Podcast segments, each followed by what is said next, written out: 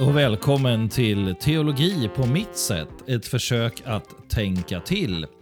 Idag är det del 4 och jag sa ju förra gången att vi skulle försöka ta oss ner till Egypten, men vi kommer inte dit den här gången. Men nästa gång. Jag lovar eh, att försöka. Nu blir det mer om Jakob och Esau. Nu kör vi. Jakob fortsätter sin färd hemåt mot fadershuset. Det är ett stort sällskap som drar fram genom landskapet. Mängder med kor, får och getter, tjänare och så själva familjen. Jakob har 12 barn med fyra kvinnor. På vägen inträffar något som nämns nästan som en bisats i berättelsen. Guds änglar verkar vara ute och vandra i samma trakt och de stöter på Jakob. När Jakob ser dem så säger han att detta är Guds skara och så ger han platsen namnet Manchanaim. Det betyder två läger. Jakob verkar ha ett rätt stort behov av att ge namn åt platser. Eller så finns det behovet hos den som nedtecknat berättelserna om honom för att knyta platser till Jakob. Manchanaim, den platsen ligger i dagens Jordanien, precis som det närliggande Jabboks vadställe som vi snart kommer till. När Jakob nu har släppt det som ligger bakom och börjar sätta sitt fokus på det som ligger framför, så skickar han iväg budbärare till sin bror Esau. Jakob är uppenbart orolig för hur det kommande mötet ska avlöpa. Han som sedan han var liten fått veta att han är den utvalde och som fått både förstfödslorätten och välsignelsen. Han är nu noga med att kalla sin tvillingbror för herre. Han skickar budbärare som ska framföra hans förhoppningar om ett välvilligt mottagande. De ska underdånigt berätta om hur bra det gått för Jakob hos morbror Laban. Men när budbärarna kommer tillbaka så kan de bara berätta om att Esau har tagit med sig 400 man och är på väg emot dem. Jakob blir rent ut skräckslagen och gör det som säkert många av oss skulle göra. Han börjar med att dela upp sitt folk och sina tillhörigheter. Esau ska inte komma åt dem alla på en gång. Och sen ödmjukar han sig inför Gud och ber för sitt liv. Samtidigt så påminner han Gud om löftet och förbundet. Det verkar som att han ber hela natten och på morgonen har han en plan.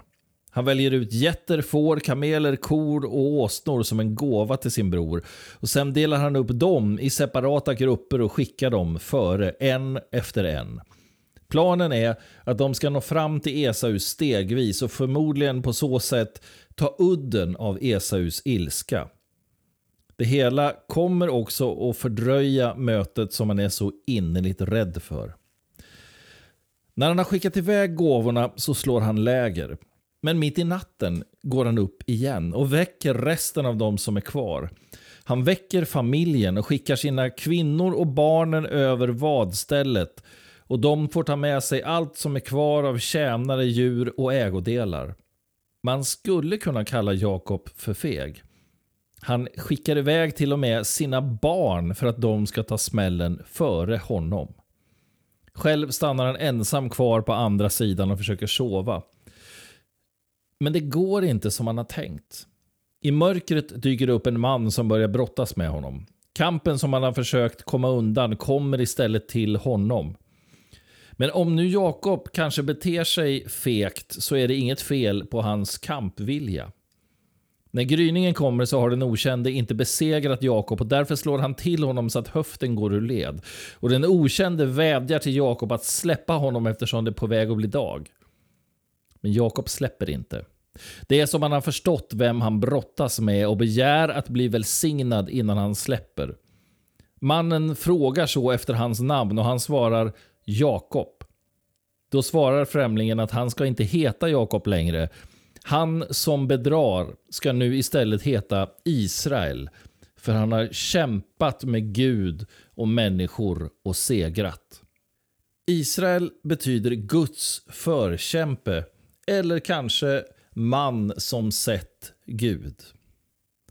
Jakob vill nu veta mannens namn, men han får bara en lakonisk fråga tillbaka. Varför frågar du om mitt namn? Sen får Jakob sin välsignelse och ger platsen sin vana trogen ett namn, Penuel, Guds ansikte. Han ger sig nu iväg från Penuel över floden och samtidigt märker han att slaget mot höften har gjort honom halt. Det är som att mannen som slog honom ville att han aldrig någonsin mer skulle kunna ta ett enda steg utan att bli påmind om att han har brottats med Gud, segrat och blivit välsignad. Jakob hinner ikapp sin familj lagom för att se att Esau nu kommer med sina 400 man. Då verkar det som att han fattar mod och delar upp barnen så att de är tillsammans med sina biologiska mammor. Slavinnorna, deras barn, går främst. Sen Lea och hennes barn och sist den älskade Rakel med favoriten Josef. Men Jakob, eller Israel, han går själv främst i ledet. Medan Esau kommer emot honom slänger han sig till marken och bugar sju gånger på vägen. Men brodern springer emot honom och tar honom i sin famn och kysser honom. Bröderna faller i varandras armar och i gråt.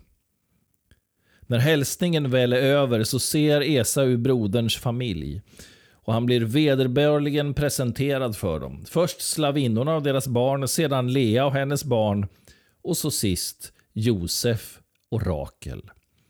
De bugar sig alla till marken för Esau. Men Esau verkar nu vara ganska förvirrad av vad det är som händer. Det verkar som att han har glömt allt som hänt och löftet att döda sin bror. För honom verkar tiden ha gått och läkt alla sår. Han frågar varför Jakob har skickat en massa djur och människor i grupper framför. Jakob svarar att det var för att han ville vinna sin herres välvilja. Men Esau vill inte ha några gåvor. Det har gått bra för honom, han har det han behöver. Jakob envisas och till slut så tar Esau emot gåvan. Esau föreslår nu att de båda bröderna ska slå följe och återvända hem till pappa Isak. Och nu händer något märkligt. Jakob verkar inte ha glömt och litar inte på att brodern är uppriktig i sin välvilja och att tiden skulle ha läkt alla sår. Han hittar på en ursäkt om att barnen inte orkar gå så fort och djuren som diar sina avkommor, de måste få vila, annars dör de.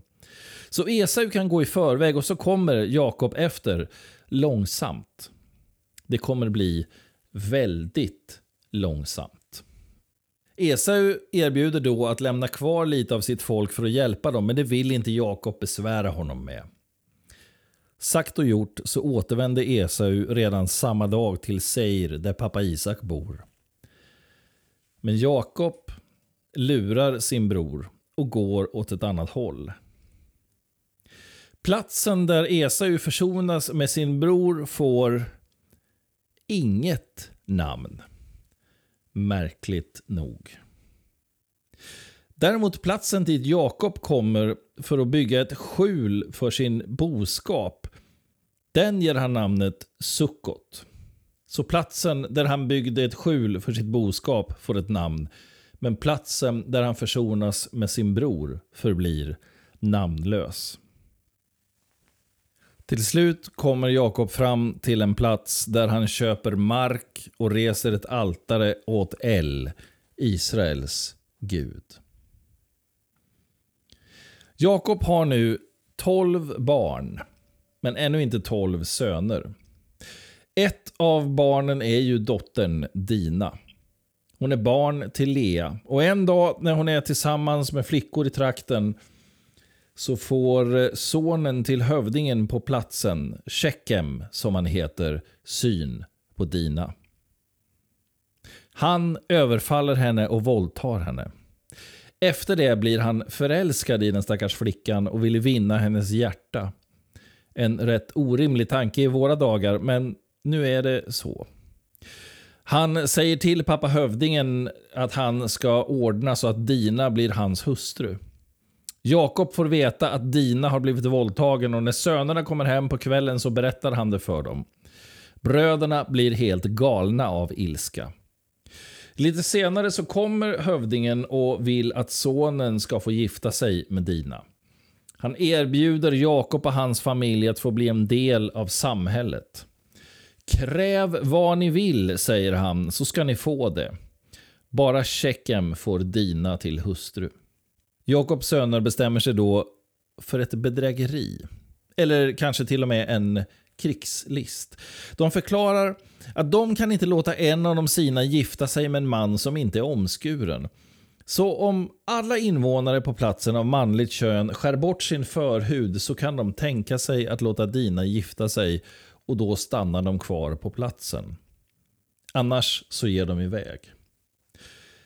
Hövdingen som heter Hamar och som är Shekems far, återvänder till staden och i stadsporten möter han männen i staden. Han berättar om hur vänliga dessa främlingar är och hur mycket de kan tjäna på att de stannar. De har ju döttrar och boskap och rikedomar som staden kan dra nytta av om de bara uppfyller ett endaste litet villkor. Folket lyder sin hövdings uppmaning och alla män i staden låter genast omskära sig. Efter tre dagar, när alla män är sjuka av såren från ingreppet, så ger sig Jakobs söner Simeon och Levi iväg och anfaller staden. De dödar alla män, inklusive hövdingen Hamon och hans son Shekem. Sönerna plundrar sedan staden och tar med sig tillgångar, boskap, kvinnor och barn och för bort dem som byte. När de kommer tillbaka så blir Jakob arg.